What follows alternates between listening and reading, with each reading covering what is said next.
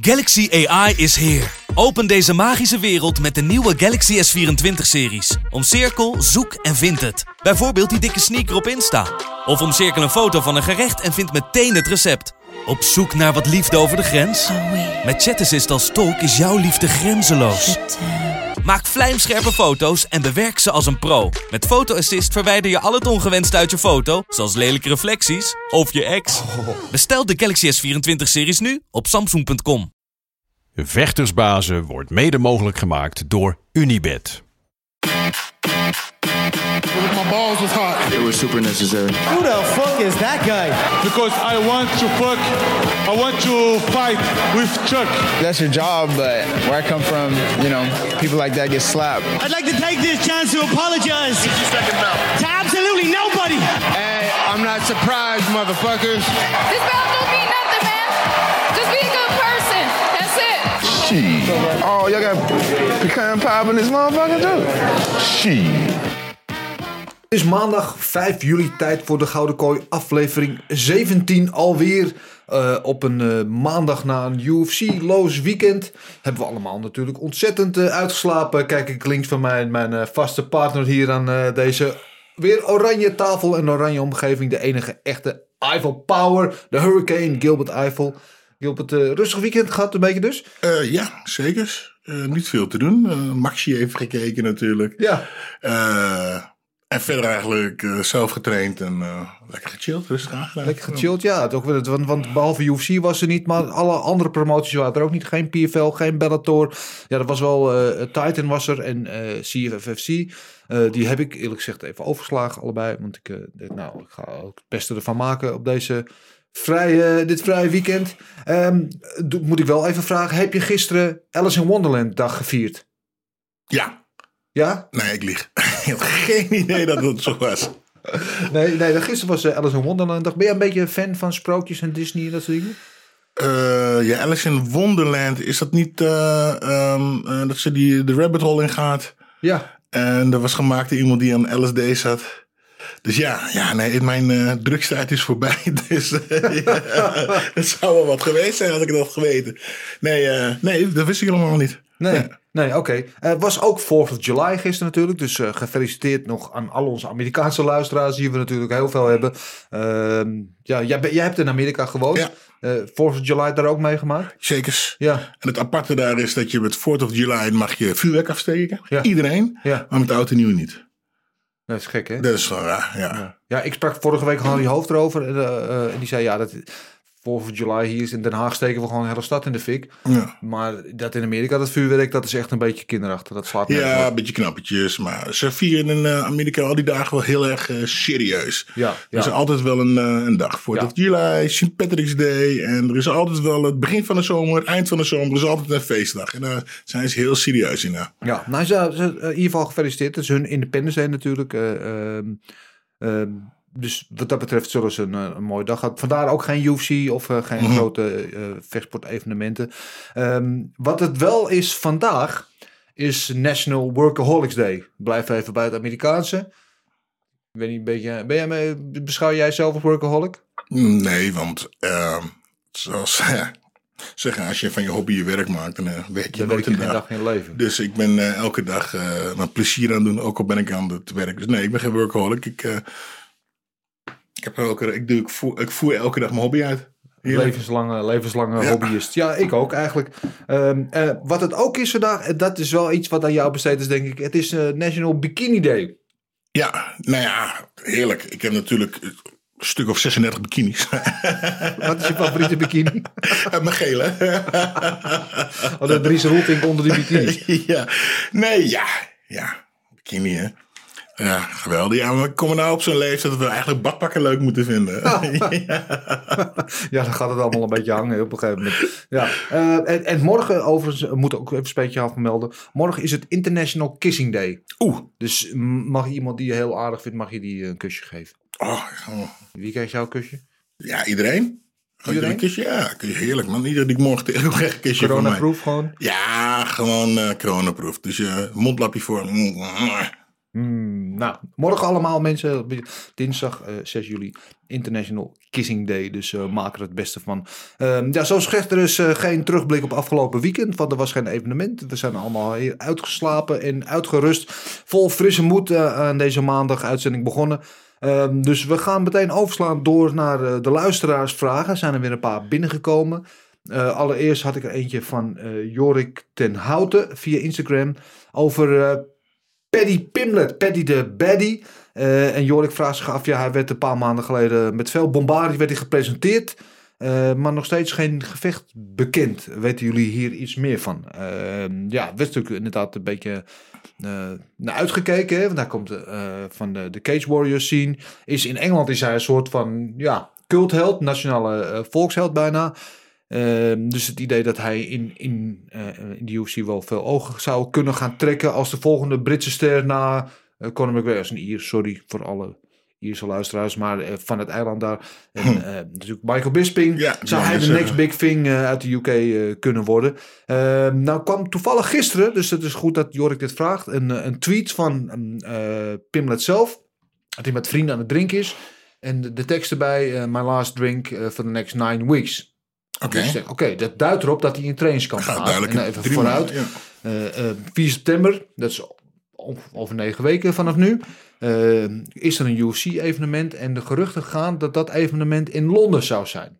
Nou ja, wat beter is, dan ja. een eh, UK-event, een Londen-event, met Paddy Pimblett eh, op de kaart. Die zijn debuutdag gaat maken, waar hij veel kaartjes verkoopt, waar hij heel populair is. Ja. Dus weet het niet, het is geen exacte wetenschap, maar vermoed een beetje dat hij daar wel eh, op de kaart eh, terecht zou kunnen komen. Dus eh, Jorik, wat dat betreft, het is nogmaals, het is geen definitief iets, maar als wij ergens op moeten gokken, dan gok Ja, dat is een beetje logisch nadenken, ja. ja, Pimblett eh, 4 september. Mogelijk op die UFC Londen kaart. Ehm, als Marcel zo in de lucht is, zullen we het hem ook nog eh, eventjes vragen. Die weet ook altijd meer van dat soort dingen dan wij. Maar die weet alles. Ehm althans, bijna alles in ieder geval op het gebied van MMA. Eh, even kijken, de volgende vraag komt eh, van eh, Lars. Lars Winterik via Instagram. Zou het over en uit zijn van McGregor als hij verliest? Dat is dan aankomende zaterdag tegen Dustin Poirier. Eh, en wordt hij dan ontslagen? Nooit. Nee, hè? Nee, eh McCracken is natuurlijk een, eh, ja, het goudmijntje, hè, de publiekstrekker. Weet je, Ehm, ja, wil s'avonds mond slaan. Eh, je kan alle kanten op. Hij kan nog een gewichtsklasse, eh, gewichtsklasse lichter gaan vechten.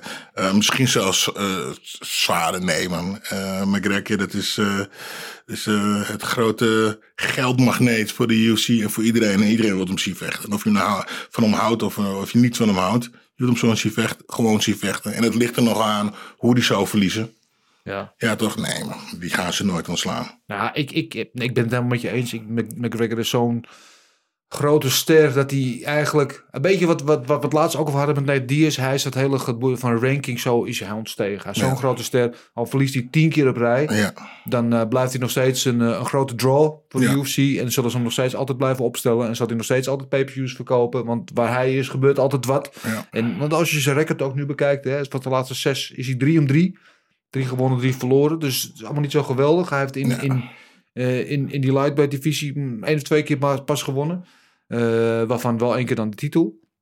Dus ja, zo'n geweldige track record heeft hij de laatste tijd niet. En toch zitten we nu allemaal weer van... En als hij Ja, zaterdag wint ja, Poirier, dan, ja. dan, dan is hij meteen weer titelkandidaat. En, en dan hoort hij in de GOAT-discussie, enzovoort, enzovoort. Even gechargeerd. Dus eh, eh, nee, Lars, ik denk niet dat het over en uit is van McGregor. Nog lang niet. Zolang hij zelf door wil, zal de UFC altijd eh, gebruik blijven maken van zijn diensten. Ehm, dan ook via Insta, Insta Willem H. Hey, Willem Holleder? Nee? Ja, ik Zou weet het niet. zijn? Misschien heeft Ja. hij eh, een, een telefoontje in zijn, eh, Ja. cel. Nou, we zullen deze naar de dus podcast. maar heel goed proberen te beantwoorden. Ehm, wat vinden jullie van de nieuwe tegenstander van Sean O'Malley? Ja, dat is een beetje een gek verhaal natuurlijk. Hij zou tegen Louis Smolka vechten. Eh, die trok zich vorige week terug.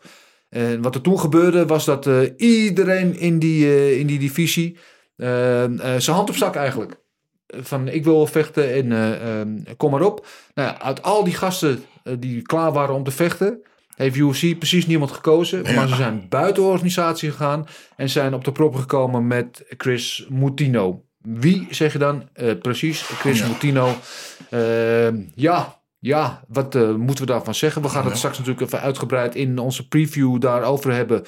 Eh, maar ik vind het op zijn minst een opmerkelijke keuze. Ik weet niet hoe jij er tegenaan kijkt. Ja, nou ja, het enige wat eh, ik kan bedenken is dat ze, ze lijken een beetje op elkaar. Ja, Eh, Chris heeft eh, paars haar. En ook een, wilde, een wild kapsel. En die draagt even, volgens mij heeft hij dezelfde tattoo op zijn borst als, eh als O'Malley. O'Malley. het is eigenlijk zijn duistere alter ego. Ja, dus, maar dat is het enige wat ik eh, ervan weet. Ik heb hem een beetje zien vechten. Ja, Ja, hij heeft geen geweldig record. 9 en 4. En het lijkt er een beetje op, als je het mij vraagt, dat de UFC hem gewoon probeert te beschermen. Omdat hij toch een beetje een golden child. Hij is toch een ster. Hij heeft heel veel fans, vooral jonge fans. Eh, en ze proberen hem echt op te bouwen. Nou ja, dan is dit misschien wel de manier. Maar dat is ook altijd een risico. Want zo'n gozer die van buiten komt, hij heeft niks te verliezen. heeft niks te verliezen. Inderdaad. En dat kan nog wel eens lelijk aflopen. Ja. Dus, maar gaan we het straks over hebben. Ehm, dan heb ik ook, ook via Insta. eh, Sergio, eh, wat denken jullie van Rozenstruik tegen Curtis Blades? Ja, daar hebben we het al wel een beetje over gehad toen die partij bekend werd gemaakt. Ehm, ja, ja, ik vind het een interessante partij. Ik vind het een eh, gevaarlijke wedstrijd voor Rozenstruik. Maar ook voor Blades eigenlijk. Ja, ik denk dat het eerder gevaarlijk. Ja, nou ja, ja, ja, ja, ja. Als Blades hem op de grond krijgt, wordt het een moeilijk verhaal. Maar eh Rozenstrijk liet laten zien dat hij heel veel geduld en heel veel kalmte had. En ehm, ja, dan, dan wordt iemand gevaarlijk. Weet je, dus eh, met eh, dat wilde aanvallen ben je, sta je zo open voor een takedown. En door het rustige bewegen van hem kun je moeilijk inshooten en een takedown maken. zonder op een stoot te lopen. Ja, Dus ik, eh, ja, het, eh, kan, het kan, twee kant, het kan twee kanten op. Hè? Of uh, of Blades krijgt hem snel naar de grond. Of hij krijgt hem niet naar de grond. En dan is het ook afgelopen. Ja, ja ik hoop dat de Rozenstruik goed gekeken hebben naar hoe uh, Lewis dat deed. Ja. Die wachtte net zo lang tot hij inschoot en ving hem toen Ja. op met een eh uppercut from hell. Eh, aan de andere kant, Lewis heeft natuurlijk eh, een betere takedown defense. En bovendien is eh, wat vaardiger op de grond. Want als je die op de grond gaat, staat hij gewoon weer op. Mhm, mhm. En we hebben van Rozenstruik gezien, met name in die wedstrijd tegen Cyril Gaan, dat hij, nou ja, toch een beetje liep te spartelen op de grond. Ehm, Maar ja, daarentegen is hij ook een stuk rustiger geworden staan. Dus Ja. misschien is hij ook een stuk beter geworden op de grond. Althans, Ja. heeft hij zijn, eh, takedown, def- eh, heeft hij aan zijn takedown defense gewerkt. Ja, nou dat zou, want hij zit bij American Top Team. Hij heeft natuurlijk uitstekende eh, worstelcoaches zoals Mike Brown. En ik weet van Michael Babb, de, de, de trainer van, van Jorginho, dat ze daar echt hard aan gewerkt hebben. Alleen in zijn vorige wedstrijd hoeft hij het niet te laten zien. Want dan was het weer die one-punch knockout die Ja. hij altijd heeft. Dat maakt hem levensgevaarlijk. Dus ja, interessante wedstrijd die wat mij betreft echt twee kanten op kan. En eh, het, het zal heel erg afhangen van, eh, eh, van het begin van, van, ja, denk van de eerste ronde. Hoe die daar doorheen komt. Als Ja. daar op de, op, de, op de voeten weet te blijven. En dan op een gegeven moment striking in actie weet te brengen. Dan, ja, dan kan het wel eens de goede kant op gaan voor. En, de, en degene wie dit wint, die haakt in ieder geval nog even aan in die, in die titeldiscussie. Degene die verliest, ja, die moet echt achteraan eh, aansluiten in, een, eh, in een rij die eh, voorlopig niet opgelost gaan worden door die situatie die daar is met Nagano en, en, en Lewis en Vol. Nou ja, we gaan het straks al eventjes over hebben. Ehm, ik zou zeggen, laten we eerst even naar Henry Hoofd gaan. Henry Hoofd, af, afgelopen weken gewoon uh, vrij rustig thuis geweest. Of wat, uh, wat vechters gehad uh, her en der bij Bellator, bij PFL en ook bij de UFC. zoals vorige week Shafkat. Maar dit weekend staat hij weer aan de kooi met een van zijn top contenders, Gilbert Burns, die in de co-main event op UFC 264 het gaat opnemen tegen Wonderboy Thompson. En dat is een gevecht waar wij denk ik allemaal wel naar uitkijken. 100%. Uh, ja, 100%. En uh, ik sprak die hoofd erover. Uh, en we vermelden eerder al dat hij Raymond Daniels in zijn ja. kamp heeft gehaald. Natuurlijk ook een beetje met die karatenstijl om hem daarbij te helpen. En we luisteren even naar wat Henry Hoofd daarover te zeggen had en waarom hij dat precies gedaan heeft. Nou, wat ik gewoon heel erg graag wou, is uh, dat hij gewoon. Want ik, ik had eigenlijk beter. Aan de andere kant kun je ook denken: nou, waar ik, ik kan Nicky bellen, want die weet hoe je zo dat soort mensen moet verslaan. Nicky, Nicky natuurlijk, weet je. Dat is ook zo gewoon. En ik vind ook kickboxers hebben een hele andere kijk op zo'n wedstrijd. En in de, in de ring is dat natuurlijk anders dan in de kooi. Maar ik, wat ik wou gewoon, ik wou gewoon Gilbert uh, vier weken lang iemand om zich heen hebben lopen en met een sparren en bewegen die zo beweegt zodat hij dingen herkent, patronen herkent. eh, en specifiek ziet, oké, dat, dat is wat karate mensen doen. Wij, wij weten als kickboxer dat een karateka naar binnen, even in en uit gaat. En natuurlijk, ik kom ook natuurlijk Kyokushin, kickboksen met Jurgen, Kamakura. We komen allemaal een beetje van dezelfde kleine stand. We weten dat, hoe dat gaat. En als je dat, eh, maar als je dat niet gewend bent, en als je, zoals Gilbert, soms gewoon eh, iemand zijn kop eraf wil slaan, ja, dan gaan die mensen je frustreren, wat ook bij Vicente Luque gebeurde. En dan word je geraakt op momenten wanneer je het niet aan ziet komen. Het, doet geen pijn, maar het is gewoon vervelend, weet je. En, eh, en als je het niet aan ziet komen, dan ga je gewoon neer. Dus ik wou dat gewoon specifiek. Het is een hele goede jongen, geeft hem veel tips. Maar ja, dan ben ik ook weer zo eh, zeker dat, dat ze niet te veel erover moeten ouwe hoeren, weet je. Want dan wordt het een seminar en dan moet je in vier weken tijd karate leren. Dus het schiet ook niet op. Dus wat ik gewoon heel belangrijk vind, is dat hij gewoon dat ziet elke keer in de hij ziet hoe hij beweegt. Eh, dat hij ook ziet gewoon hoe die, hoe die mensen hun afstand goed benutten. Hoe ze ook gewoon heel makkelijk eigenlijk... eh, we kunnen heel goed omgaan met mensen die heel erg agressief zijn. En mensen die naar voren komen om, eh, om mensen zeg maar, te beuken. Dat zijn ze altijd gewend met hun stijl. Dus ja, dus dat was gewoon, hij heeft gewoon heel goed in zich. Hij is hier nog steeds, hij verleden week weggaan, maar hij is nog een week extra gebleven. Dus Gilbert ziet er gewoon super goed uit, je- weet je. En, en hij heeft, die jongen heeft er echt een hoop mee geholpen. En dan, als je dan een rondje eraf gaat en dan gaat met een normaal, iemand, had hij in het begin nog dat hij weer helemaal veranderde. Maar nu blijft hij gewoon hetzelfde bewegen. Dus, eh, en ook veel trappen. Ik heb ook veel trappen nog gedaan. Dus hopelijk eh, trapt hij ook gewoon heel veel. Want dat vind ik ook belangrijk tegen dat soort mensen. Ja. Dat als hun trappen, Ja. dat je gewoon countert met een trap in plaats van altijd Ja. stoten. Dus, eh, en Gilbert kan hard trappen. Dus ja, ik denk dat we er alles aan hebben gedaan. En voor zo'n tricky gozer, het is een hele moeilijke gozer om voor te trainen. Nogmaals voor MMA-gasten. Eh, en eh, laten we kijken. Gilbert is gewoon, die, eh, die is er klaar voor. En die heeft er ook heel veel zin in. Want die wil gewoon, eh, die wil het gewoon, die wil het gewoon goed doen. Weet je. En zijn maatje Vincent natuurlijk die wedstrijd verloren. Dus die, die is er ook bij. Dus het, is allemaal, ja, het is allemaal speciaal. En het is gewoon leuk. Het is ook super top. Dat we natuurlijk op die kaart, op die McGregor kaart vechten. Maar vooral die, die matchmaking, vooral die wedstrijd tussen die karate en jiu-jitsu. En dat, dan wordt het gewoon MMA gemixt. Dus hopelijk wordt het een super partij en gaan we het groot goed doen. Maar het wordt een. Het wordt niet makkelijk, zeker weten. Ja, mooi man, ik heb er zin in. Inderdaad, wat je zegt op de McGregor-kaart. eh, eh, en er zit de T-Mobile Arena, geloof ik, hè? 20.000 mensen. Ja, ja. ja. Gekhuis. Ja, man. Dat is gewoon ouderwets weer. eh, ja, daar heb ik wel zin in. Het is altijd zo met Conor, die brengt toch al die mensen naar binnen, weet je. Dus ja, ik heb er gewoon zin in. Het is lange tijd dat ik ook speciaal voor zo'n wedstrijd, echt, voor, voor Gilbert's wedstrijd, echt. Het is een stijlmatchup. Dus eh, het is eh, iets waar je, waar je misschien wat mee kan doen, weet je. Waar je misschien eh, zien of het lukt. En, of en als het niet lukt, dan gaan we terug naar het drawing board. Maar eh, ik heb een goed gevoel. Ik heb een goed gevoel met Gilbert. Ja, goed gevoel heeft hij erover. En eh, ik ben heel benieuwd. En eh, wat ik heel interessant vond, wat hij ook nog vertelde. eh, is dat hij ook overwogen had om Nicky Holske in zijn trainingskamp te halen.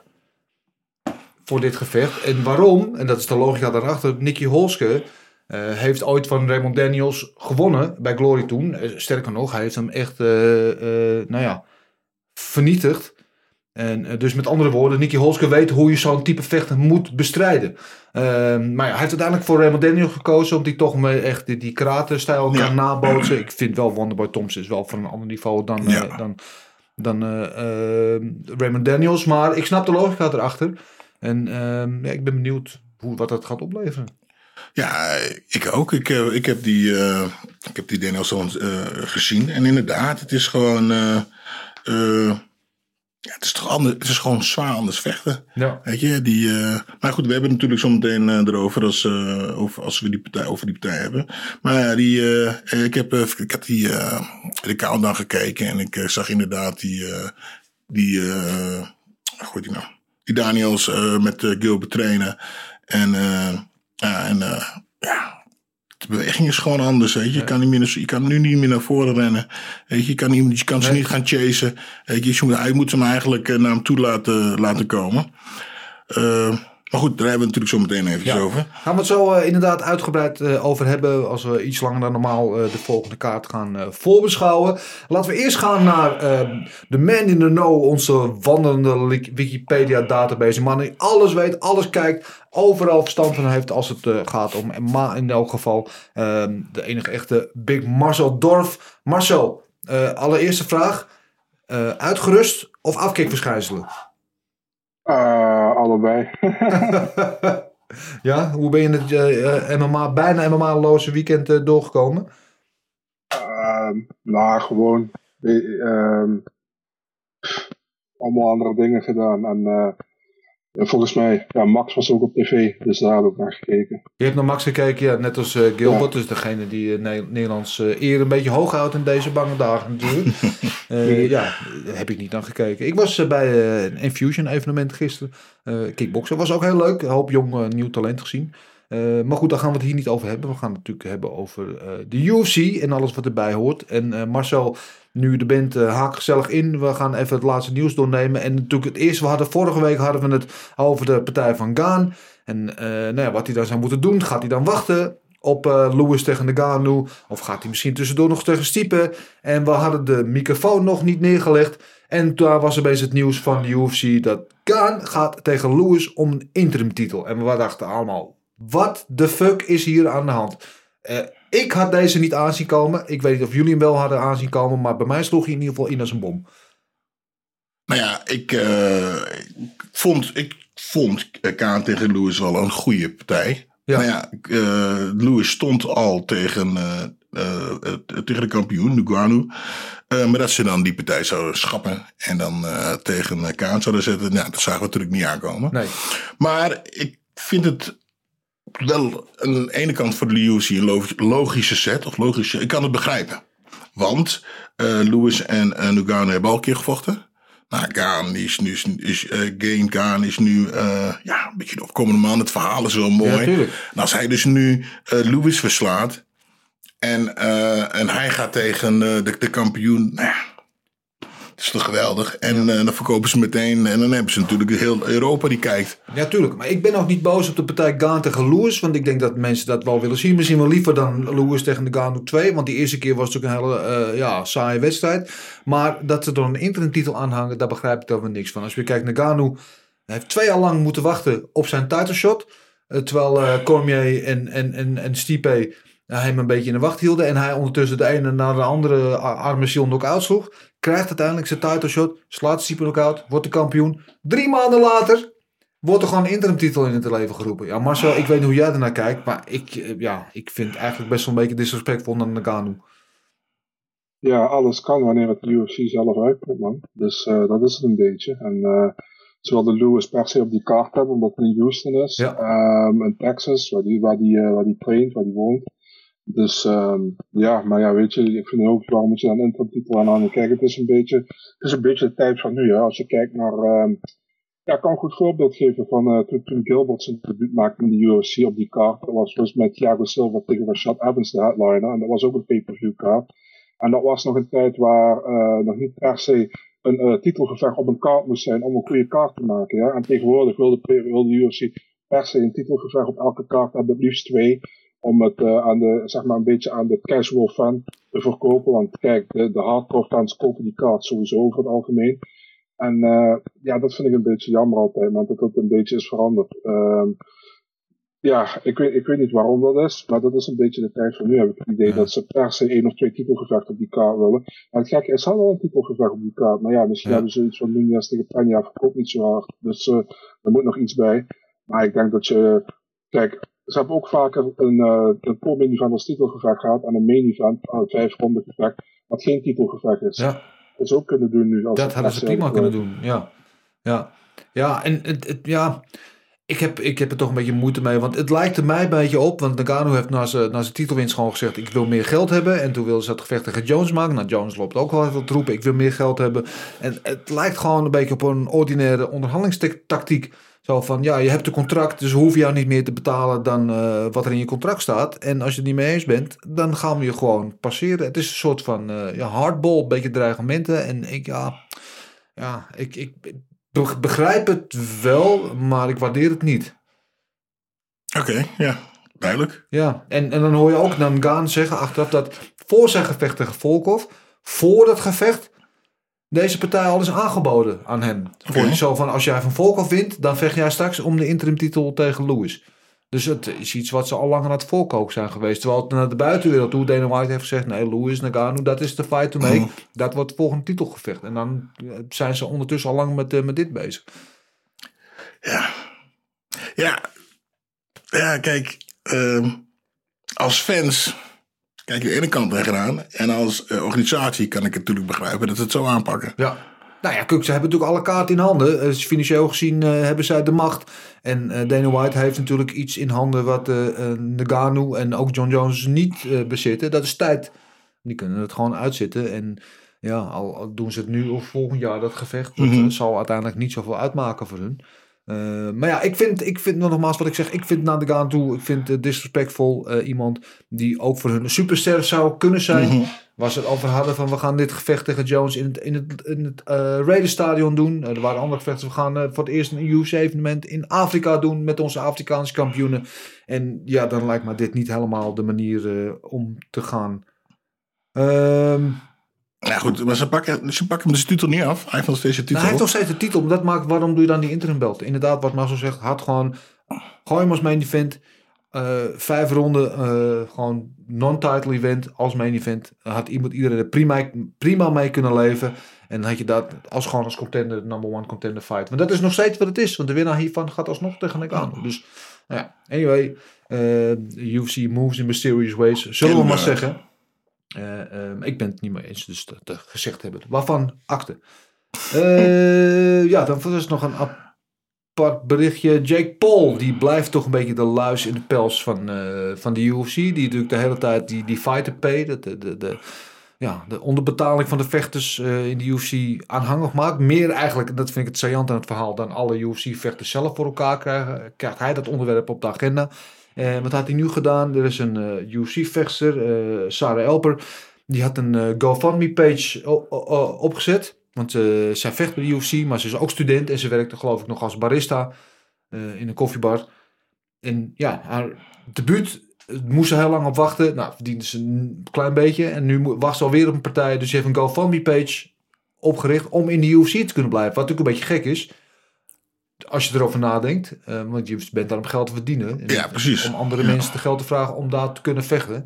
Dat is een beetje het oude adagium van als je hier wil eh, werken, dan moet je geld meebrengen. Zoals dat vroeger ging als je in, in de gerenommeerde bedrijven wilde werken. Dus eh, Jake Paul die heeft natuurlijk heel veel volgers en genereert veel meer media-aandacht dan met alle respect Sarah Elper.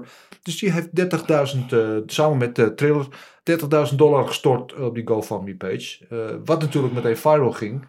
Ja, slimme marketing. Super aardig. Ja, en de UFC komt daar natuurlijk niet heel eh, goed uit op deze manier. Ja. Ja. Ja, Jack Paul. Hij is weer bezig. Heerlijk. Ja. Ja, eh, ja, nou ja, het is ook een beetje. eh, misschien is het ook wel goed dat hij dit blijft doen. En dat de UFC, UFC straks ziet van, nou weet je, misschien toch, moeten we toch nog iets beter met onze vechters, Ja. voor onze vechters gaan zorgen. Ja. Want als een één persoon, één influencer dat kan doen, ja. Ja, ja ik, eh, laten we even gezegd, ik, ik vind Jake Paul dus een randebiel. Dus eh, niet dat ik hem hier bezig ga zitten ophemelen. Maar ik moet hem hier wel de props voor geven. Want hij krijgt eh, wel voor elkaar wat alle andere UFC-vechters bij elkaar niet gedaan krijgen. Is Mhm. namelijk dat er gewoon door een breed publiek steeds meer over gesproken wordt. En dat zal er uiteindelijk toe, toe leiden dat de druk op de UFC toeneemt. Dus ja, props aan hem. Hij dat eh, voor elkaar eh, eh, heeft gekregen. Ja, Khabib, die denkt dat Dustin Poirier weer gaat winnen van Conor McGregor. Maar ja, de, Khabib zal natuurlijk geen mogelijkheid nalaten om Conor nog een schop na te geven. Dus die mededeling nemen we verder kennisgeving aan. Wel een berichtje over George Jean-Pierre, GSP. Die, die wilde natuurlijk ook bij Thriller dat, eh dat tegen Oscar de la Hoya. Stak UFC een stokje voor. Gewoon dat Dana White een teringhekel heeft aan de la Hoya. Ja. Dus dat gaan we niet doen. Hield hem aan zijn contract. Ook al heeft hij al twee jaar niet gevochten, eh, GSP. Ook al was het geen MMA-gevecht. Zei Dana nee, nee, dat gaan we niet doen. Dus hij heeft hem eigenlijk ja, geblokkeerd om, om een leuke paycheck eh, op te halen. Eh, maar hij heeft nu gezegd, GSP, ja, over twee jaar loopt mijn contract af. En dan wil ik alsnog gaan vechten weer. Of dat nou boksen is of ergens anders MMA. En ehm, hij is er nog niet klaar mee. Ik geloof eh, eh, 40 is hij inmiddels, George St. Pierre. Ja. Maar eh, ja, hij ziet er nog uit eh, alsof hij uit marmer gehouden is. Super fit. Maar wat vraag ik me af? Dus hij heeft twee jaar niet gevochten. Of over twee. Hij wil over twee jaar een comeback maken. Als het UFC-contract afloopt. Ja. Maar wat doet hij in de tussentijd? Gaat hij nog vechten? Gaat hij niet vechten? Wordt hij betaald door de UFC? Nee, weet- volgens mij niet, maar volgens mij wordt hij pas betaald. Als hij eh, gevochten heeft. Als hij gevochten heeft. Maar zo iemand met zo'n ster, ster, zo- zo'n ster, die, ja, die moet ook geld verdienen. Ja. Ja, ja, eh, tuurlijk. En eh, het feit is, hij wil niet meer in de UFC vechten. Want ze hebben hem natuurlijk nog wel eens een partij aangeboden. Mhm. Er was natuurlijk sprake van om in superfight tegen Oesman te zetten. Nou, dat lijkt me als eh DSP niet eh, wenselijk. Ehm, ik had overigens afgelopen week had ik een voor vechtersbaas een, een, een, een chat met Bas Rutte Mhm. over Karate Combat. En daar zat ook de, de CEO van Karate Combat, Adam Kovac zat erin. En die heeft GSP aan zijn organisatie verbonden als eh seasoned sensei. Eigenlijk als ambassadeur soort. Eh, samen met Lyoto Machida. Die natuurlijk ook Oké. een karate achtergrond hebben. En eh, dus ik zei van... Joh, heb je twee van die grootheden, oud UFC-kampioenen. Zou het niet leuk zijn om hun op karate-regels tegen elkaar te laten vechten? Zei, ja, daar, hadden we zelf ook al wel aan gedacht. En daar zijn we wel niet. mee bezig. Eh weten dus niet of dat mogelijk is met dat UFC-contract van Mhm. GSP. En Machida heeft geloof ik nog één partij op zijn contract staan bij Bellator. Maar dat is wel iets wat in de Dat zou geweldig zijn. Alle, allebei Kyokushinkai? Ja. Ja, nee, volgens mij eh, is Machida Shotokan. Oh, oké, ja. Ja. George Pierre is wel uh, Kyokushinkai. Ja. Ja, Nou, geweldige partij. Op karate-regels. op karate-regels. Vet. Ja, leuk. Ja. Wie denk je dat gaat winnen? Ik weet het niet. Kijk, ehm George. Pierre heeft natuurlijk die karate-achtergrond, maar is eigenlijk wel veel meer allround. Kan ook eh, een aardig potje worstelen en zo. Ja. Eh, en terwijl Machida echt als... Het heeft ook geadapteerd aan de MMA-regels, maar hij heeft natuurlijk echt zijn hele leven echt trouw gebleven aan, Aan- echt karate-stijl van vechten. Eh, maar je zit ook te denken, George. Pierre vocht altijd op welterweight. Zeg 77 kilo. En eh, Machida... 85. Ja, ja, volgens mij op light heavy, is light heavyweight kampioen geweest. is 93 kilo. Dus er zit wel, dus ze zullen ergens een catchweight moeten vinden. Maar ja, qua, als je het zo bekijkt, qua size, heeft Machida daar weer de, eh, de overhand. Dus En eh, wat voor regels is het? Full contact? ja, dat is uh, karate combat de regels. Dat is eh vol contact. Dus je mag alle stoottechnieken naar het hoofd maken. Eh, alle beentechnieken, behalve knieën en low kicks. Weet je wat Stefan Thompson eh, doet? Ja, eigenlijk wel. Eh, je mag werpen. Ja. Eh, geen submissions, maar je mag wel eh vooral 5 seconden ground and pound en gaan Mhm. samen verder. Het is best wel, eh, best wel spectaculair om te zien. Een soort MMA light, moet je Oké, zien. Eigenlijk. Wel leuk. Eh, dus eh, wie weet dat dat ervan komt. Ehm, tot slot een berichtje eh, van Sant. Eh, Ja. Die inmiddels bij Bare Knuckle Fighting Championship onder contract staat. En daar binnenkort tegen Rachel Osterwich gaat vechten. Die zei in een interview dat ze wegging bij de UFC. Want iedereen dacht van, wat ga je nou doen? Je bent in de prime, in, in de toppen van je kunnen. Ging weg bij de UFC, ging bij het free agent. Had heel veel aanbiedingen, onder andere van Bellator. Heeft uiteindelijk gekozen voor bare knuckle fighting. Dat iedereen dacht van, Waarom? waarom? Wat ga je nou doen? Ik zeg nu, ja, ik, het is de beste beslissing die ik ooit genomen. Niet per se alleen om bare knuckle, waar ze ook meer verdient aan de UFC. Zeg maar dat, ze heeft die OnlyFans page. Oh ja? Dus, is dat toch zo? Oh, ja, dat weet je natuurlijk al lang. Ja, ik heb natuurlijk al lang gelezen. Ik heb er alleen nog niet op gekeken, helaas. Ja, maar zij heeft een OnlyFans page en ze zegt ik verdien daar eh, per maand meer mee dan met mijn UFC en mijn knuckle contract bij elkaar. Dus eh, ja, die loopt. Die, die is nu financieel onafhankelijk. Nou, dan moet ik me ook eens op bezig gaan maken, man. Ja, heb jij nog geen OnlyFans? Nee, helaas nog niet. Nee, ja, ik heb nog geen, geen, geen, geen, geen bikini? Ja. Ik denk dat dat wel storm loopt. Ja. Goed, eh, tot zover het nieuws. Eh, Marcel, eh, je bent echt kalm voor jou doen. We gaan jou even uit de schulp trekken. Wat heb jij nog voor ons aan eh, nieuws qua matchmaking voor de komende tijd? Ja, was, was iets meer qua matchmaking hè, de afgelopen week. Ehm Lewis het tegen Gaan hebben we het net over gehad. Ehm, we hebben Sean Brady tegen Kevin Lee, die opnieuw is geboekt voor eh, 28 augustus. Ja, gelukkig. Ehm, ja, dat is eh, eigenlijk een mooie partij die aankomende zaterdag zal plaatsvinden. Maar Ja. goed, we moeten dus nog eventjes een eh, anderhalf maandje wachten. Ehm, Paul Craig tegen Alexander Gustafsson, 4 september. Oh, die zag ik niet aankomen. We hebben natuurlijk de laatste over Paul Greg gehad. En hebben we deze mogelijkheid niet genoemd. Maar ik vind, nu ik er zo over nadenk, wel een leuke partij. Ik ben benieuwd ook eh of Gustafsson weer ja, wat van zichzelf eh, kan terugvinden. Ook naar zijn uitstap. Want zijn laatste partij was op heavyweight, toch? Klopt, tegen Verdun. Ja. Ja. Ja, ik ben ook benieuwd naar. Ehm, dan hebben we Jim Miller, die voor de 38e keer zijn eh, opwachting gaat maken in de UFC tegen. Nicolas Motta, een debutant. Ja. Mooi. De legend Jim Miller. Hebben we nog niet zo lang geleden gezien, toch? Ja, klopt. Tegen Joe Selecki.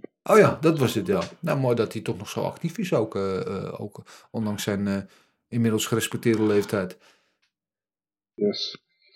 Dan hebben we Roxanne Modafferi tegen Tatjana Suarez op, 3, op 25 september, die dus naar Flyweight gaat. Ja, ja, daar ben ik wel heel enthousiast over. Gewoon, ik vind Roxanne vind ik sowieso geweldig. Ik vind haar gewoon een, een prettige vreemde eend in de bijt. Maar eh, ik ben vooral heel enthousiast over dat uh, Tatjana Suarez eindelijk weer terug is. Na, wat is het, ruim twee jaar ongeveer? Zoiets, ja. Ja, nekproblemen had ze, geloof ik. Nekoperatie gehad. ja man. Ja. Heeft eh, heel lang eruit gelegen. Ja. Ja, goed dat ze weer terug is. Ik ben heel benieuwd hoe ze dat gaat doen met het nieuwe gewicht ook. Ja, ik ook. En eh daar heb ik tot slot heb ik eh, Carlos Diego Ferreira tegen Grant Dawson op 2 oktober. Oeh, dat kan ook nog wel eens een leuk potje worden. Ja, een goede partij denk ik eh, voor Diego Ferreira eh, om zijn ranking te behouden. En voor Dawson die nog niet verloren heeft in de UFC om te kijken of hij de rankings in kan komen. Dus Ja, ja. ik ben ook heel benieuwd. Interessant. Eh eventjes een kleine flashback naar onze luisteraarsvraag. Nadat iemand die vroeg over Paddy Pimblet. Wanneer hij zijn eh, eh, opwachting gaat maken in de UFC. Eindelijk zijn lang verwachte opwachting. En eh, ik zei, nou, hij, hij postte toevallig gisteren of eergisteren iets op zijn Instagram over mijn laatste drankje voor de komende negen weken. En er zijn geruchten dat hij op 4 september op de kaart staat. En dat dat evenement eventueel in Londen zou plaatsvinden. Wat weet jij daarvan? Ja, de, de 4 september kaart eh, zou in Londen plaats moeten vinden. Gustafsson tegen Craig zou dan in principe co-main moeten zijn. Till tegen Brunson het main event. Alleen, ja, weet je wat het is? Ik denk dat de UFC heel lang wacht met het aankondigen in verband met de Delta variant die op dit moment aan de hand is. En Ja. eh, hoe ik kijk hoe meer, ehm, elke dag verandert die regels en die restricties en al, al, al die shit. Dus eh, ik weet het niet. Ik hoop dat die, die, die kaart op 4 september in Londen is. Die, het is ook bedoel- de bedoeling dat die in Londen komt. Oké. Maar of die daar komt, dat durf ik niet dus met volle zekerheid te zeggen. Dus eh, laat het hopen van wel. Ja, we het hopen van wel, maar eh, geen plek in de wereld waar de coronaregels zo, zo streng en ingewikkeld zijn als in Engeland. Ik heb het zelf aan Mhm. lijve mogen ondervinden toen ik daar een paar keer heen moest voor werk. En het is no joke, dus eh, ja, om daar een heel evenement neer te zetten. Maar dat ik ook fans in de arena wil hebben enzovoort, dat heeft nog wel voet in de aarde. Dus ik snap dat dat niet vanzelf gaat. Spannend. Eh, ja, laten we, laten hopen dat het doorgaat. Dat zal wel leuk zijn. Eindelijk weer een Europese kaart ook. Dat kan ik me ook niet herinneren wanneer de laatste keer was. Want vorig jaar, vlak voor corona, zouden ze naar Londen gaan. En dat werd toen juist vanwege COVID werd dat afgelast. Dus het zou mooi zijn als ze daar dan weer, juist in Londen, een Europese comeback eh, gaan maken. Goed, eh, UFC 264, de grote pay-per-view aankomend weekend in de T-Mobile Arena in Las Vegas. 20.000 mensen in de, in de stoelen, of op de banken liever gezegd, maar het zal er een gekke huis worden. En eh, wat een kaart. En eh, laten we het gelijk maar eh dopen tot gokken op knokken. Want dan hebben we dat ook meteen binnen. We, we gaan wel iets uitgebreider eh, eh, praten over de wedstrijden dan we normaal doen. Want eh, ja, we hebben lekker de tijd. Want we hadden geen eh, terugblik op afgelopen weekend. McGregor tegen Poirier. Laten we wel beginnen om te zeggen dat deze hele kaart gewoon eigenlijk tof is. Ja, super. Super, super, Toch? super. Ja. Er zit eh, eh, voor ieder wat wils in. Eh zelfde Marcel Special staat er ook op. Uiteraard, wat zou er zonde zijn. Eh, maar laten we het... ja, de, eye-catcher op deze kaart natuurlijk. De main event. Conor McGregor tegen Dustin Poirier de- deel 3. En deel 3 volgt vrij snel op deel 2. Ja. Eh, ja, we weten allemaal nog daardoor hoe deel 2 eindigde. Dat liep niet zo goed af voor eh, Conor McGregor, die eh, in de tweede ronde moest opgeven naar een serie ja, desastreuze calf kicks. Waardoor hij bijna Poirier het op de voeten met de, de vuisten afmaakte en McGregor knock-out sloeg. Ehm, ja, ik ben benieuwd naar hoe jullie naar deze rematch kijken. Marcel, begin bij jou. Ja, heel moeilijk eerlijk gezegd. Omdat je eh, in de vorige partij zag je vooral dat ehm Poirier, of eh, McGregor begon eigenlijk goed in de eerste ronde. Won ook die eerste ronde. Ja. En op een gegeven moment draaide Poirier die partij. En ehm dus kwam het te finishen. Dus ja, nu hebben we de derde keer tegen elkaar, het is 1-1. Ehm, ja, ik vind, ik vind het een hele moeilijke keuze, man. Ehm, normaal gesproken zou je zeggen, Poirier ehm, heeft nu de manier gevonden hoe hij het moet doen. Ja, kan, kan hem ook gewoon nog altijd knock-out slaan in de eerste ronde, man. Dat denk ik echt. En dan ook nog in de tweede ronde. Dat ligt er maar aan. Ehm, ja. Ik vind het heel moeilijk. Ja. Ehm, ik, ik zou... Ik denk dat ik toch voor Poirier ga uiteindelijk. Ik denk niet dat, ze, dat het een snelle finish wordt. Dus ik denk dat het wat langer duurt deze keer.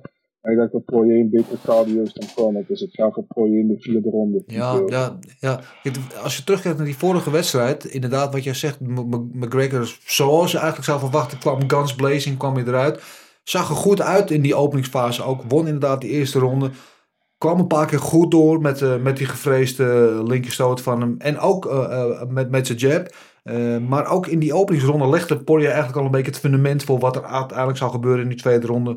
Met die, met die calfkicks waar hij een paar keer mee eh, doorkwam. En wat mij vooral heel erg opviel in, in die eerste ronde. Dat, ja, McGregor raakte hem een aantal keren goed.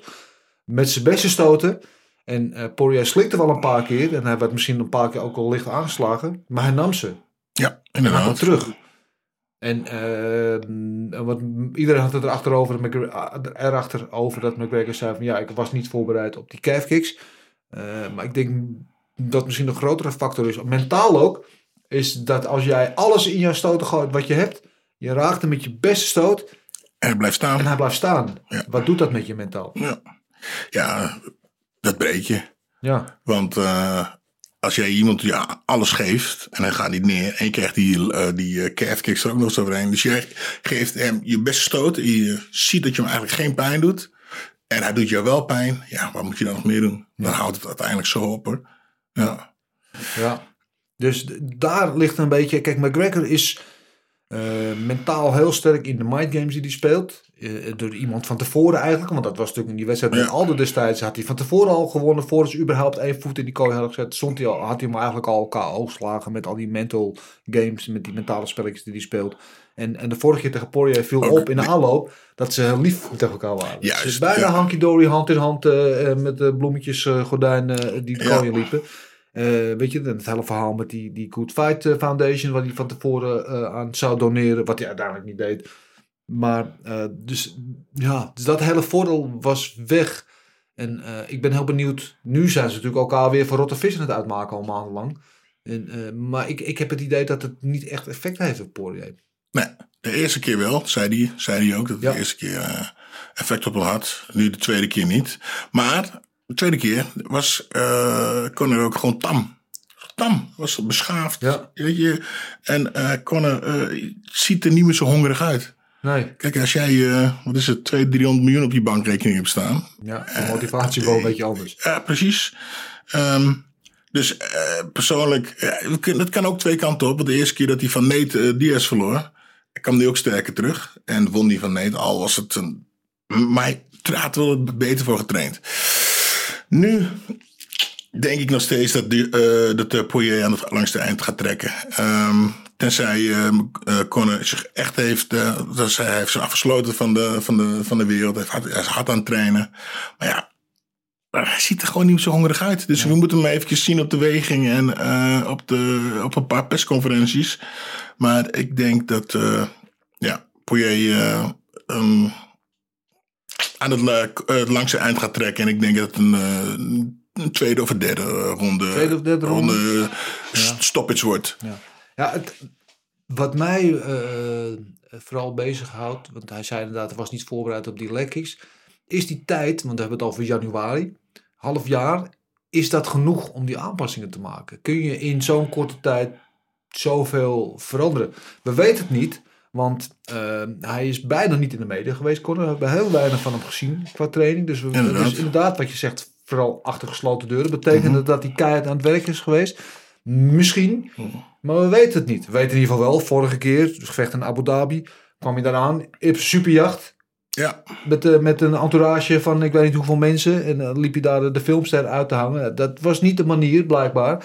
Ehm, dus hij moet even terug naar, naar de basics. De vraag is, kan hij dat? Weet, je, weet jij Marcel, heb jij überhaupt eh, beelden of een idee van hoe zijn trainingskamp eruit heeft gezien? Of hij daar überhaupt wel zo serieus mee bezig is geweest? Ja, geen idee van eerlijk gezegd, man. Dat, eh, volgens mij is daar, is daar ook niet veel, van, eh, niet veel van te vinden, man. Dus ik, ik, ik heb daar geen Nee. idee van. Nee, nou ja, dat is, dus, dat is dus het grote vraagteken. En dat maakt dit wat mij betreft ook wel heel interessant. Van ja, wat heeft hij gedaan die afgelopen zes maanden? Heeft hij zichzelf, eh, nou ja, het, weet je, we weten allemaal nog eh, Rocky 4, dat hij eerst in een soort showroom eh, staat te trainen. En dat het misgaat. En dat hij uiteindelijk trekt hij zich terug op het Siberische platteland om heel barbaars te gaan trainen. En hij komt uit als herboren. Heeft Conor McGregor dat gedaan? Nou, dan maakt hij een hele goede kans. Maar we weten het niet. Kijk, we weten met Conor wat er ook gebeurt. Hij blijft altijd speciaal. En, Hij blijft vechten, en- hij blijft en komen. hij heeft die linker poeier waar hij ten alle tijde iemand mee eruit kan halen. Dus, eh, maar als hij dat gaat doen, dan moet hij dat inderdaad vroeg doen. Dan moet hij denk ik weer, net als vorige keer, proberen hem in de eerste ronde te overrompelen. Eh, gaat het langer dan dat? Ik denk inderdaad wat Marcel zegt, dat eh, McGregor, of dat Poirier een betere cardio heeft. Mentaal ook sterker is. Niet meer die vechter van zeven jaar geleden toen McGregor hem inderdaad mentaal overrompelde. We weten, mocht het naar de grond gaan, Poirier is een uitstekende eh, grappler. Hij heeft een, black belt in jiu-jitsu. Dus misschien dat het gevecht daar naar wonder toe gaat. Dat, eh, dat, dat zou ook nog zomaar kunnen. Ehm, dus ik denk inderdaad, McGregor, als hij wint, zal het in de eerste zijn.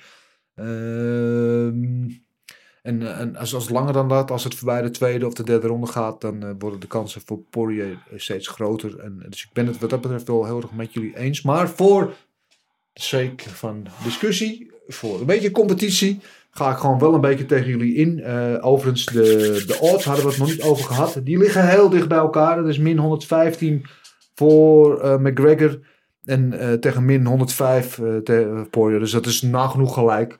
Een lichte, lichte favoriet van McGregor. Maar ja, ik ga hier voor McGregor. En dan zeg ik inderdaad, doet het in de eerste ronde. Gaat gewoon voor die KO. Bam. Misschien tegen beter weten in. Maar anders zijn we het allemaal met elkaar eens. Is ook zo saai, toch? Ja, maar we gaan hier wel even een paar ton poes op zetten. We gaan hier wel een paar tompoes op zetten. Ja, ja, ja, ja, ja, ja. 100%. Ja, eh, ik zal mijn bestelling vast plaatsen bij de bakker. Nee hoor. In eh Conor We Trust. Overigens wel grappig, want hij is al een tijdje in Amerika eh, om het laatste deel van zijn kamp eh, daar te doen. En eh, eh, we zagen gisteren eh, zag ik een filmpje voorbij komen. Ze deed een einde kamp etentje met eh, een in- intiem, beetje geheim etentje. Maar Mhm. dat lekte uit waar hij zat. En toen kwam hij naar buiten. Er stond daar echt eh, honderden fanshonden op straat. Er werd een soort, de, de straat werd afgezet door de politie. Nou, er stond Connor daar op straat. Schaduwboxen voor die mensen. Iedereen helemaal wild. Dus eh, ja, hij heeft gewoon die, die aparte status. Zoals niemand anders in de UFC dat heeft. Hij is gewoon en blijft gewoon de superster. Maakt niet uit wat hij doet. Eh, hopen dat hij dat... Nog lang blijft, hè? ja, maar hopen dat hij dat eh, van zich af kan zetten. Dat hij in de kooi gewoon weer die vechter wordt. Kijk, we hebben allemaal van hem genoten toen hij Alden ook uitsloeg. Toen hij Alvarez nog uitsloeg. Die twee gevechten tegen, tegen Nate Diaz. Weet je, hij heeft ons heel veel mooie dingen gegeven. Eh, maar hij is het wel een klein beetje kwijt. Ja, maar toen was hij hongerig. Toen was hij brutaal. En toen, weet je, toen wou hij na de top. Weet je, nou zit hij boven op de top. Ja. Weet je, hij pakt, een, wat, pakt 100 miljoen met boksen. Hij pakt hier elke keer weer, wat is het, 30, 40 miljoen met, vijf, met vechten. en hij verkoopt zijn drankje. En hij is hier bezig met alle dingen. En, hij, en niet alleen dat. ehm, hij wordt gearresteerd hiervoor. Hij wordt gearresteerd, daarvoor. Je, Daar, en, en, en, en, iemand zoekt hem hiervoor. Dus eh, jongen, zijn hele leven is zo erg op zijn kop. Kijk, vroeger was het alleen maar mensen uitschelden en ze de kaap proberen te slaan. Dus nu zit hij in zo'n sterrenwereld en alles komt op hem af. Ja, ik, eh, het is moeilijk om, je, om dan je hoofd boven water te houden in eh, zulke situaties. Ja, probeer dan maar inderdaad eh, gewoon, gewoon met je voet op de grond te blijven. Is het eigenlijk, eh, Marcel, vraag aan jou. Is het eigenlijk een, een, een title eliminator? Ja, ik zou denken van wel, man. Ik had eh, een, comment gezien van Dustin Poirier, die had gezegd van, eh, dat hij eigenlijk die partij op eh, 170 pond wilde op welterweight en dat Conor dat niet wilde en de UFC dat niet wilde. Dus eh, ja, ik zou zeggen wie anders, Gaethje, maar Gaethje een tijdje niet gevochten, dus ik, ik verwacht het wel. Sowieso, kijk, als Conor wint, kan ze dat 100% doen natuurlijk. Ja, Ja. En als Poirier wint, Poirier het ook dik en dik verdiend. Dus ja, Ja. Nou ja, Poirier zou natuurlijk eigenlijk al eh, tegen eh, Oliveira vechten, maar hij verkoos dit gevecht, waardoor Chandler opeens in de picture kwam. Dus eh, eh, ja, was natuurlijk al überhaupt een nummer 1 contender. Ja. En als McGregor een potje wint, dan is hij automatisch altijd weer titelkandidaat natuurlijk. Ja. Ja, ja, zit wat in. Maar dat is ook een motivatie voor Poirier natuurlijk, hè, want hij heeft de title shot laten varen. eh, eh, om de trilogy fight te maken. Dus eh, hij zal daar wel ook, ook daar zijn punt in willen bewijzen, denk ik. Dat hij in zijn ogen en van vele anderen de beste lightweight in de wereld is. Of, ja, het is toch main, main, main event. Eh, ik denk dat hij meer geld verdient als hij tegen McGregor vecht dan tegen iemand anders. Ja, daarom heeft hij het ook gedaan natuurlijk. Dus wat dat betreft kan ik het helemaal begrijpen. Eh, maar ja, eh, als hij en een tijdshot laat varen en hij verliest van McGregor, dan gaat hij natuurlijk twee keer nat. Want dan, is hij eh, dan moet hij weer achteraan in de rij. Want dan gaat McGregor over hem heen. En dat zal natuurlijk niet de bedoeling zijn van hem. Interessante wedstrijd, man. Ik heb echt veel zin in. En wat we zeiden in de T-Mobile Arena met 20.000 mensen. Traditioneel, altijd veel Ieren.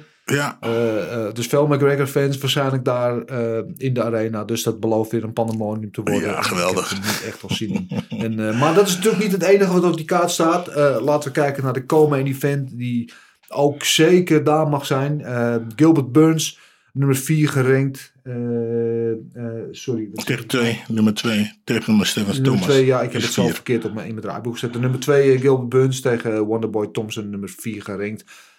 Ja, ook in zekere mate een soort van tight contender. Al is die divisie natuurlijk wel een beetje ook eh eh, fucked up. Om het zo even in goed Frans te zeggen. Ehm, ja, eh, jouw idee over deze wedstrijd, eh, Gilbert? Ja, moeilijk. Echt een moeilijke partij. Ehm, ja, eh, Stefan Thompson is een, een razendsnelle en een, een jongen met zo'n gevoel voor timing. Ja, die, die, die, kun je, die, die kan Gilbert gewoon, die kan er niet op afstormen en een paar hoeken geven, want dan loopt hij op stoot. Ja. Heel simpel. Dus hij kan hem niet chasen, kan niet achter hem aangaan. Ehm, eh, wat Gilbert eh, moet proberen is in een slagenwisseling terechtkomen. En daar eh, kan hij eh, eh, in, eh, in verrassen. En, eh, takedown maken en op de grond aanpakken. Maar eh, hij moet er niet achter hem aan gaan rennen. Want dan loopt hij op een stoot. Want eh, die Stefan doet één stap naar achteren en twee naar voren. En is zes keer weg. Ja, het is een moeilijke pot. Moeilijke pot om te zeggen wie dit gaat, gaat winnen. Ja. Ehm, ja, om een takedown te maken moet je hem aanvallen. Moet je naar voren. Om hem te kunnen raken moet je naar voren. En eh, ja, super moeilijk. ik denk eh, Gilbert dat hij hem vast moet, eh, dat hij Gilbert hem vast moet zetten tegen, eh, tegen de kooi. En daar die takedown probeert te maken. En eh Stepan moet gewoon doen wat hij altijd doet. Gewoon bewegen, bewegen. En zijn handen laten gaan, sidekicks laten gaan. En ja, ik denk dat Stefan toch iets meer wapens heeft. Ja. Ik vind het een hele, hele moeilijke. Ja. Marcel, wat, wat is jouw gedachte hierover? Ja, ik ben het eens wat Gilbert zegt, maar het is echt een hele moeilijke partij om te kiezen. De simpele reden dat ja, Thompson, iedereen weet zijn stijl. Het is afstand houden, het is punten scoren en eh, hij is daar heel goed in. Eh, Gilbert Burns is eigenlijk een hele sterke black belt eh BJJ. eh, maar is, is ook heel erg, hoe moet je dat zeggen, verliefd geworden op zijn boksen. En hij, hij kan dat ook gewoon goed. Alleen, hij heeft wel, ik denk dat er wel een behoorlijk reach verschil zit tussen Gilbert en eh, Thompson. En ik denk dat het een voordeel van Thompson is. Dus hij moet proberen kort bij hem in de buurt te komen. Dat gaat heel moeilijk lukken bij Thompson, denk ik. Maar wat Gilbert zegt, man, als hij bij hem in de buurt komt, moet hij gaan voor die takedown. Want zijn ground game is wel beter dan van Thompson, denk ik. Dus ja, het is een van die twee. Ik, ik, ik neig toch al iets meer naar Gilbert, omdat ik vind dat Gilbert meer manieren heeft om die partij te winnen, denk ik. Maar als Thompson hem op afstand kan houden en ik kan de takedown eh tegenhouden, dan denk ik dat Burns een probleem heeft. Ja. Dus ja, ik zou voor Burns gaan, maar Burns zou ik zeggen een decision eh, via eh, de, de partij op de grond proberen te houden. Maar als hem dat niet lukt, dan heeft hij een probleem, denk ik. man. Ja, het probleem is ook, eh, want inderdaad, ik denk dat wat Burns natuurlijk een uitstekende eh BJJ black belt.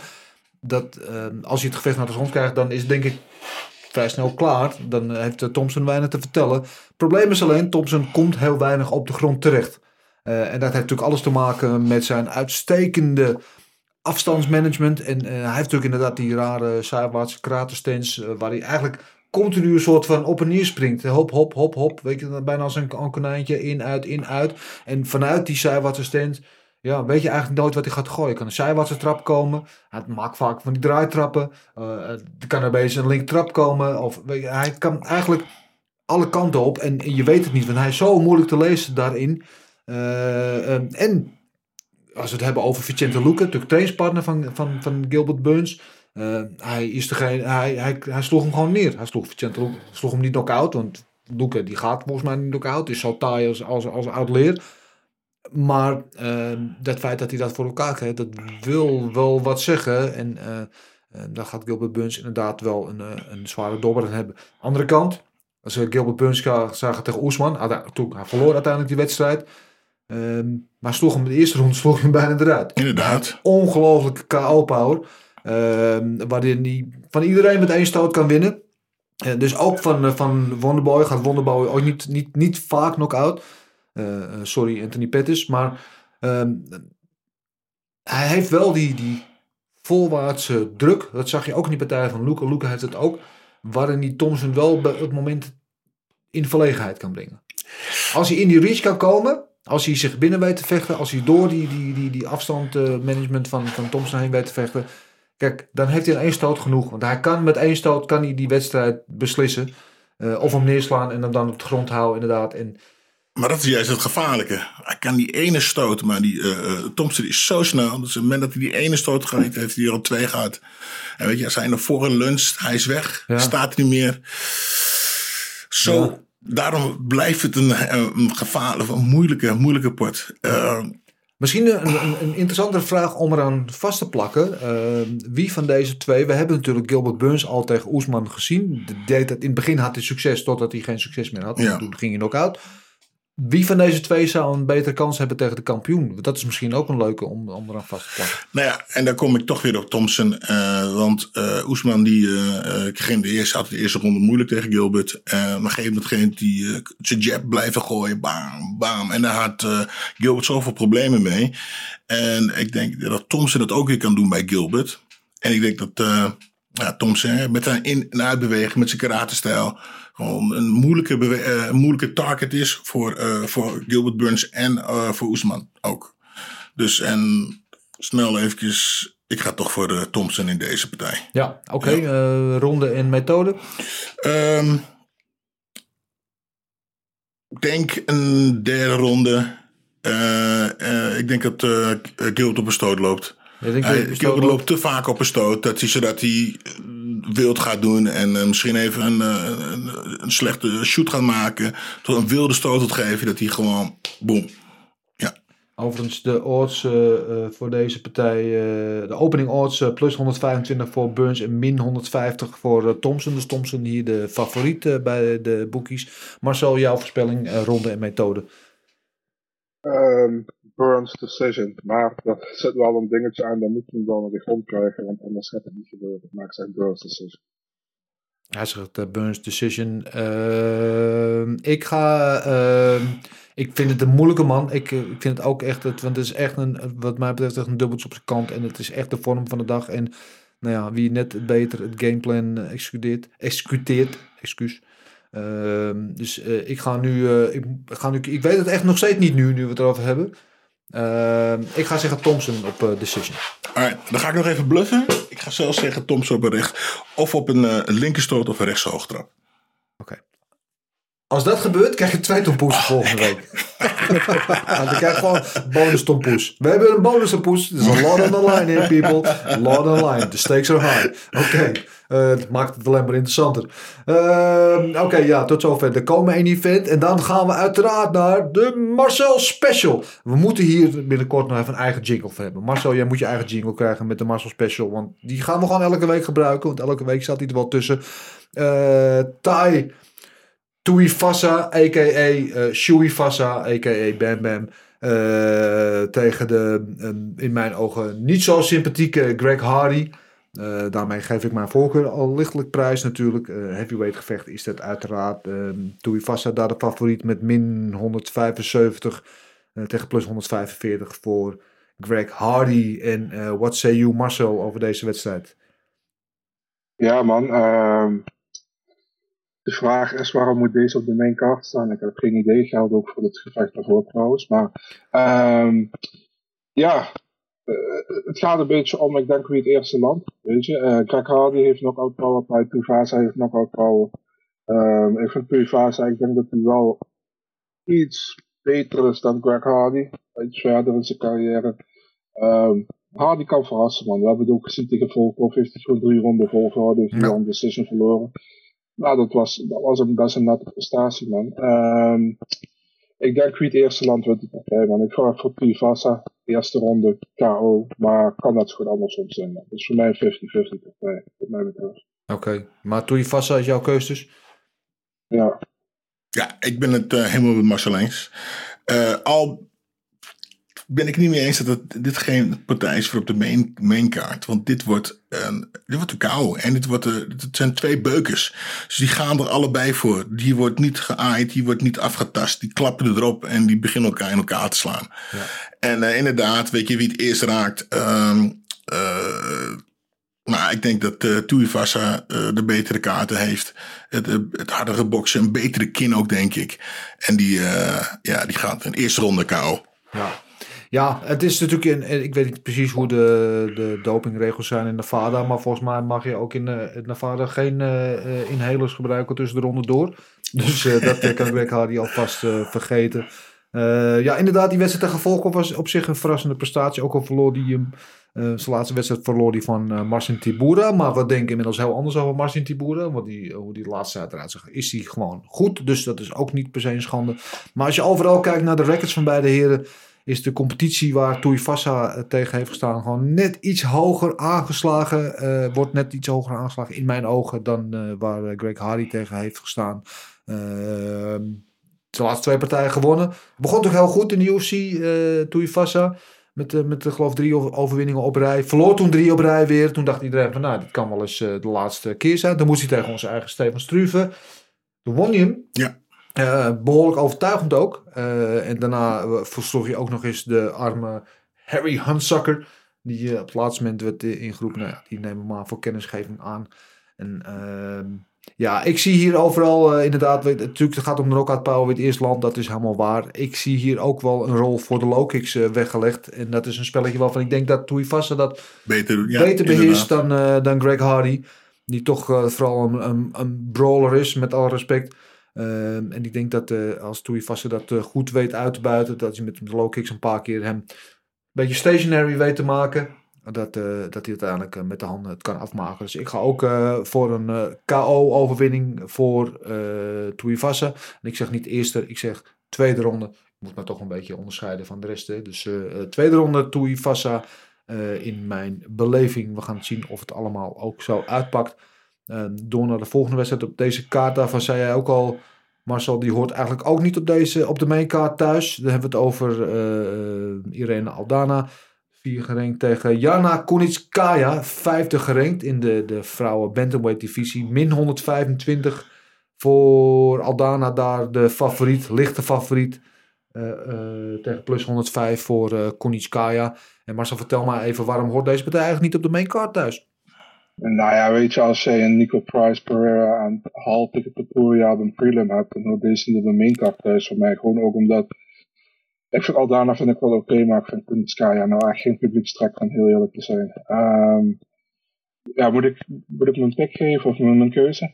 Ja, nou zeg maar ja? hoe je denkt deze Oké, okay, nou ja, ik, ik, denk dat Aldana dat gaat winnen. Ik vind haar veel beter dan Kunitskaya, veel allrounder. Ik denk dat... Uh, dat ze zowel op de grond als staan beter is. Ik denk ook dat ze probeert staan te houden. Misschien is Kunitskaya kan op de grond ook wel aan, maar ik denk dat de partij voor het groot, overgroot gedeelte staan blijven en dat Aldana wint. Decision. Ja.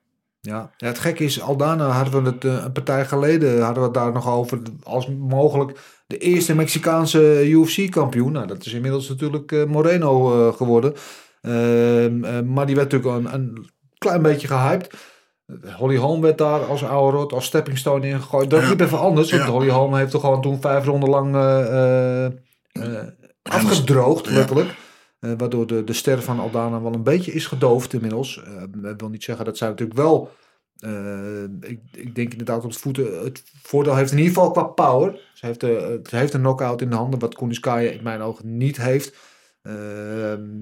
Kuniskaya misschien in de clinch wel het voordeel heeft. Maar uh, het voetenwerk overal en, en, en de impact en de power van Aldana krijgt wat mij betreft hier ook het voordeel. Ik zie, misschien zie ik wel een KO'tje ook hier uh, gebeuren. Ehm, ja, zullen we zeggen, Irene Aldana tweede ronde KO in mijn belevenis? Ehm, ja, ik ben het Marcel eens. Het is geen partij voor op de mainkaart. Maar dit kan, kan een hele saaie partij worden. Als uh, Jana. Ehm, die wil nog wel eens uh, zijn tegenstander tegen de kooi houden. En daar gewoon drie keer vijf rondes tegenaan uh, rijden. daarentegen Irene. Ehm, die kan een aardig potje boksen. En ik denk als die het uh, in het midden van de kooi kan houden, dat ze dan, uh, dat we dan uh, inderdaad een KO kunnen gaan zien. Maar ik denk in de derde ronde, want iedereen heeft wat tijd nodig. Ik denk dat ze, ik denk dat ze de eerste ronde met z'n tweetjes flink aan het kooi hoppen zijn. Met z'n tweetjes, dat die Jana tegen de, de kooi aanhoudt. Tweede ronde komt ze wat los en gaat ze haar, gaat ze haar boksen een beetje laten gaan. En ik denk dat in de derde ronde dan een uh, KO krijgt. Uh, ja. Ja. Oké, nou dan uh, hebben we daar allemaal ons, ons zegje over gedaan. Over deze volgens jullie niet mainkaartwaardige partij. Zoals zien wordt een spetterende partij. En dan wel, oh, dit had de main event moeten zijn. Nee, een geintje. Uh, Oké, dan nog één partij op de mainkaart waar ik het met jullie over wil hebben. We hadden het net al eventjes tijdens de luisteraarsvraag heel kort erover. De Sugar Show, Sean O'Malley zou tegen Louis Smolka vechten. Die trok zich terug. En inderdaad, de hele wereld stond zwaaien met zijn handen. Uh, ze zijn in gesprek geweest ook met Ricky Simone. Die ook zei, ik wil wel, maar uh, die zei, ja, dat wil ik heel graag. Maar ik haal het gewicht niet, dus kunnen we een catchweight doen? Nee, zei de UFC, dat gaan we niet doen. Wat wij gaan doen, we halen iemand van buiten. We komen met uh, ene Coutinho, uh, Moutinho. Ja, ja, ja. Weet niet zoveel van deze gast. Ik weet, hij heeft uh, niet zo lang geleden in CFFC heeft hij, nog partijen gevochten en gewonnen. maar verder grote onbekende. En dat blijkt wel uit de opening odds ook. Min 700, maar liefst is O'Malley de favoriet. tegen plus 450 voor Moutinho. Ja, en ik kan uh, bijna zeggen dat alles minder dan een KO-overwinning van O'Malley zou als een nederlaag moeten voelen voor hem als je die oort ziet. En uh, ja, ook het verhaal erachter. Uh, jouw gedachte hierover? Ja, nou ja, het enige wat we van Chris dan weten is dat hij een beetje op Sean lijkt. qua haar, qua stijl. Ja. volgens mij, zoals ik al zei net, volgens mij hebben ze dezelfde tattoo op hun borst. Maar ja, dat... dat was twee ja. keer de prijs van één, nog niet... Geen idee. Ik denk uh, misschien wat als zijn grote voorbeeld. Ik denk ook een uh, KO voor uh, O'Malley. En um, wat ik denk, ik denk in de tweede ronde. Ja. Want ik denk dat Chris toch de eerste ronde even flink gas gaat geven. En die wil ja. zich bewijzen. En dat hij misschien zelf nog iets gevaarlijk wordt. Maar dan, als Sean dan even zijn, rust heeft gevonden, zijn rust heeft gevonden. En dat het een tweede ronde KO wordt. Ja. Marcel, jouw take op dit gevecht. Ja man, die UFC schijt gewoon in een broek man. Met, ja. met, uh, met Sean O'Malley. Dat is een beetje het idee. Kijk, uh, je zegt net van uh, Ricky Simone heeft een partij, wil die op featherweight. Hij is hem als eerste aangeboden op, of, is, is gevraagd naar featherweight. Toen zei hij is goed. Toen werd gezegd van kun je ook bantamweight maken. Toen zei hij gaat moeilijk worden, maar kan het wel. Ja? En vervolgens hebben ze die partij bij hem weggepakt. Dus Callahan nog over nagedacht. Hebben ze ook niet gedaan. Ze bij Moutinho uitgekomen. Kijk man, als, als daar iets van acht tot negen vechters vragen voor die partij die al in de UFC zitten. Een Cody Steven, een Tim Elliott, een Rob Devalishvili. Ja. En jij komt met Chris Moutinho aan van buiten de UFC. Dan zeg ik niet, kijk, O'Malley zal daar niks mee te maken hebben. O'Malley accepteert gewoon wat hij voor zijn neus krijgt, weet je. De UFC schijnt gewoon in een broek. Dat is gewoon alles. Ja. En, uh, maar waarom ja, schijnt ze in een broek? Omdat ze hem willen beschermen? Omdat ze hem... Uh... Ja, sowieso. Ze, ze kijk, iedereen heeft die hype van O'Malley. Maar ik heb die, het gevoel dat de UFC die O'Malley hype zelf niet gelooft. Snap je wat ik bedoel? Dat ze zelf zoiets hebben van, kijk, hij heeft die hype, uh, hij verkoopt, ja, en die hype willen ze laten leven. Want ook, laten we eerlijk zijn, die Smolka-partij, het slaat natuurlijk nergens op dat je van Almeida naar Smolka gaat, denk ik. Ja, en nu hebben ze Moutinho, dat slaat helemaal nergens op. En dan gaat die partij ook gewoon winnen, denk ik. Ook met een KO in de eerste of tweede ronde.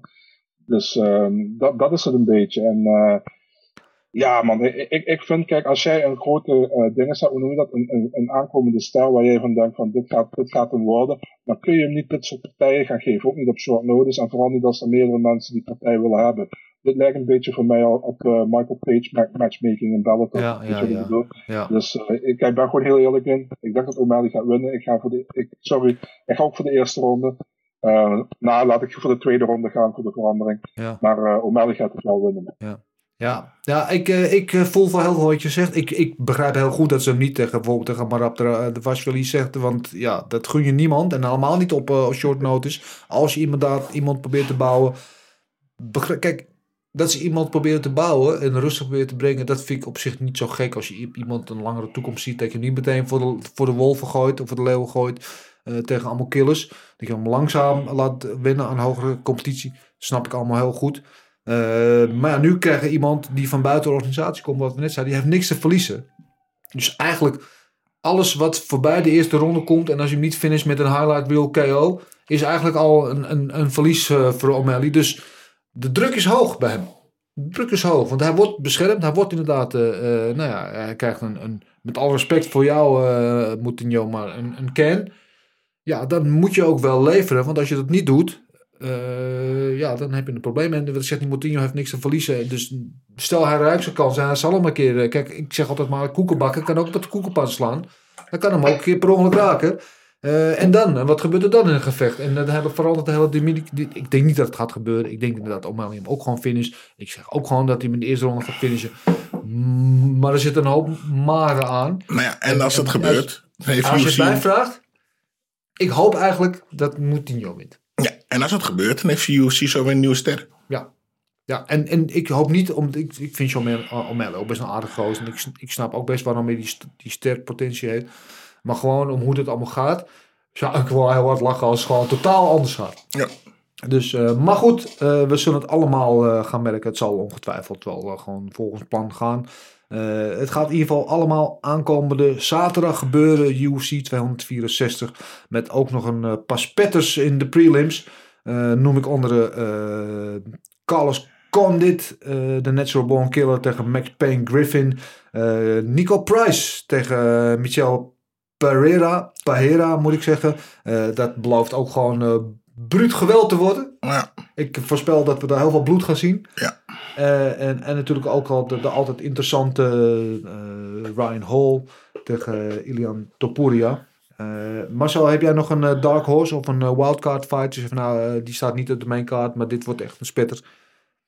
Ja, ik denk dat eh Salga Sumagulov tegen Jerome Rivera op de early prelims, dus een uh, flyweight partij. Rivera heeft er wel alle drie tot nu toe verloren in de UFC, maar Sumagulov is wel echt een goede, goede vechter. Is een voormalig uh, Partners Global kampioen. Volgens mij is hij 1-1 in de UFC op dit moment. Ehm of hij is 0-2, even, even, ik weet niet zeker op dit moment. Volgens mij kan het 0-2 zijn. Hij had de eerste partij eigenlijk gewonnen, kreeg hij niet. Maar dit is wel echt een leuke partij, denk ik. Daar verwacht ik ook veel van. Eh, sowieso flyweights, weet je, zijn altijd eh, technisch en erg, eh, erg bewegelijk. Dus het is wel een leuke partij, denk ik.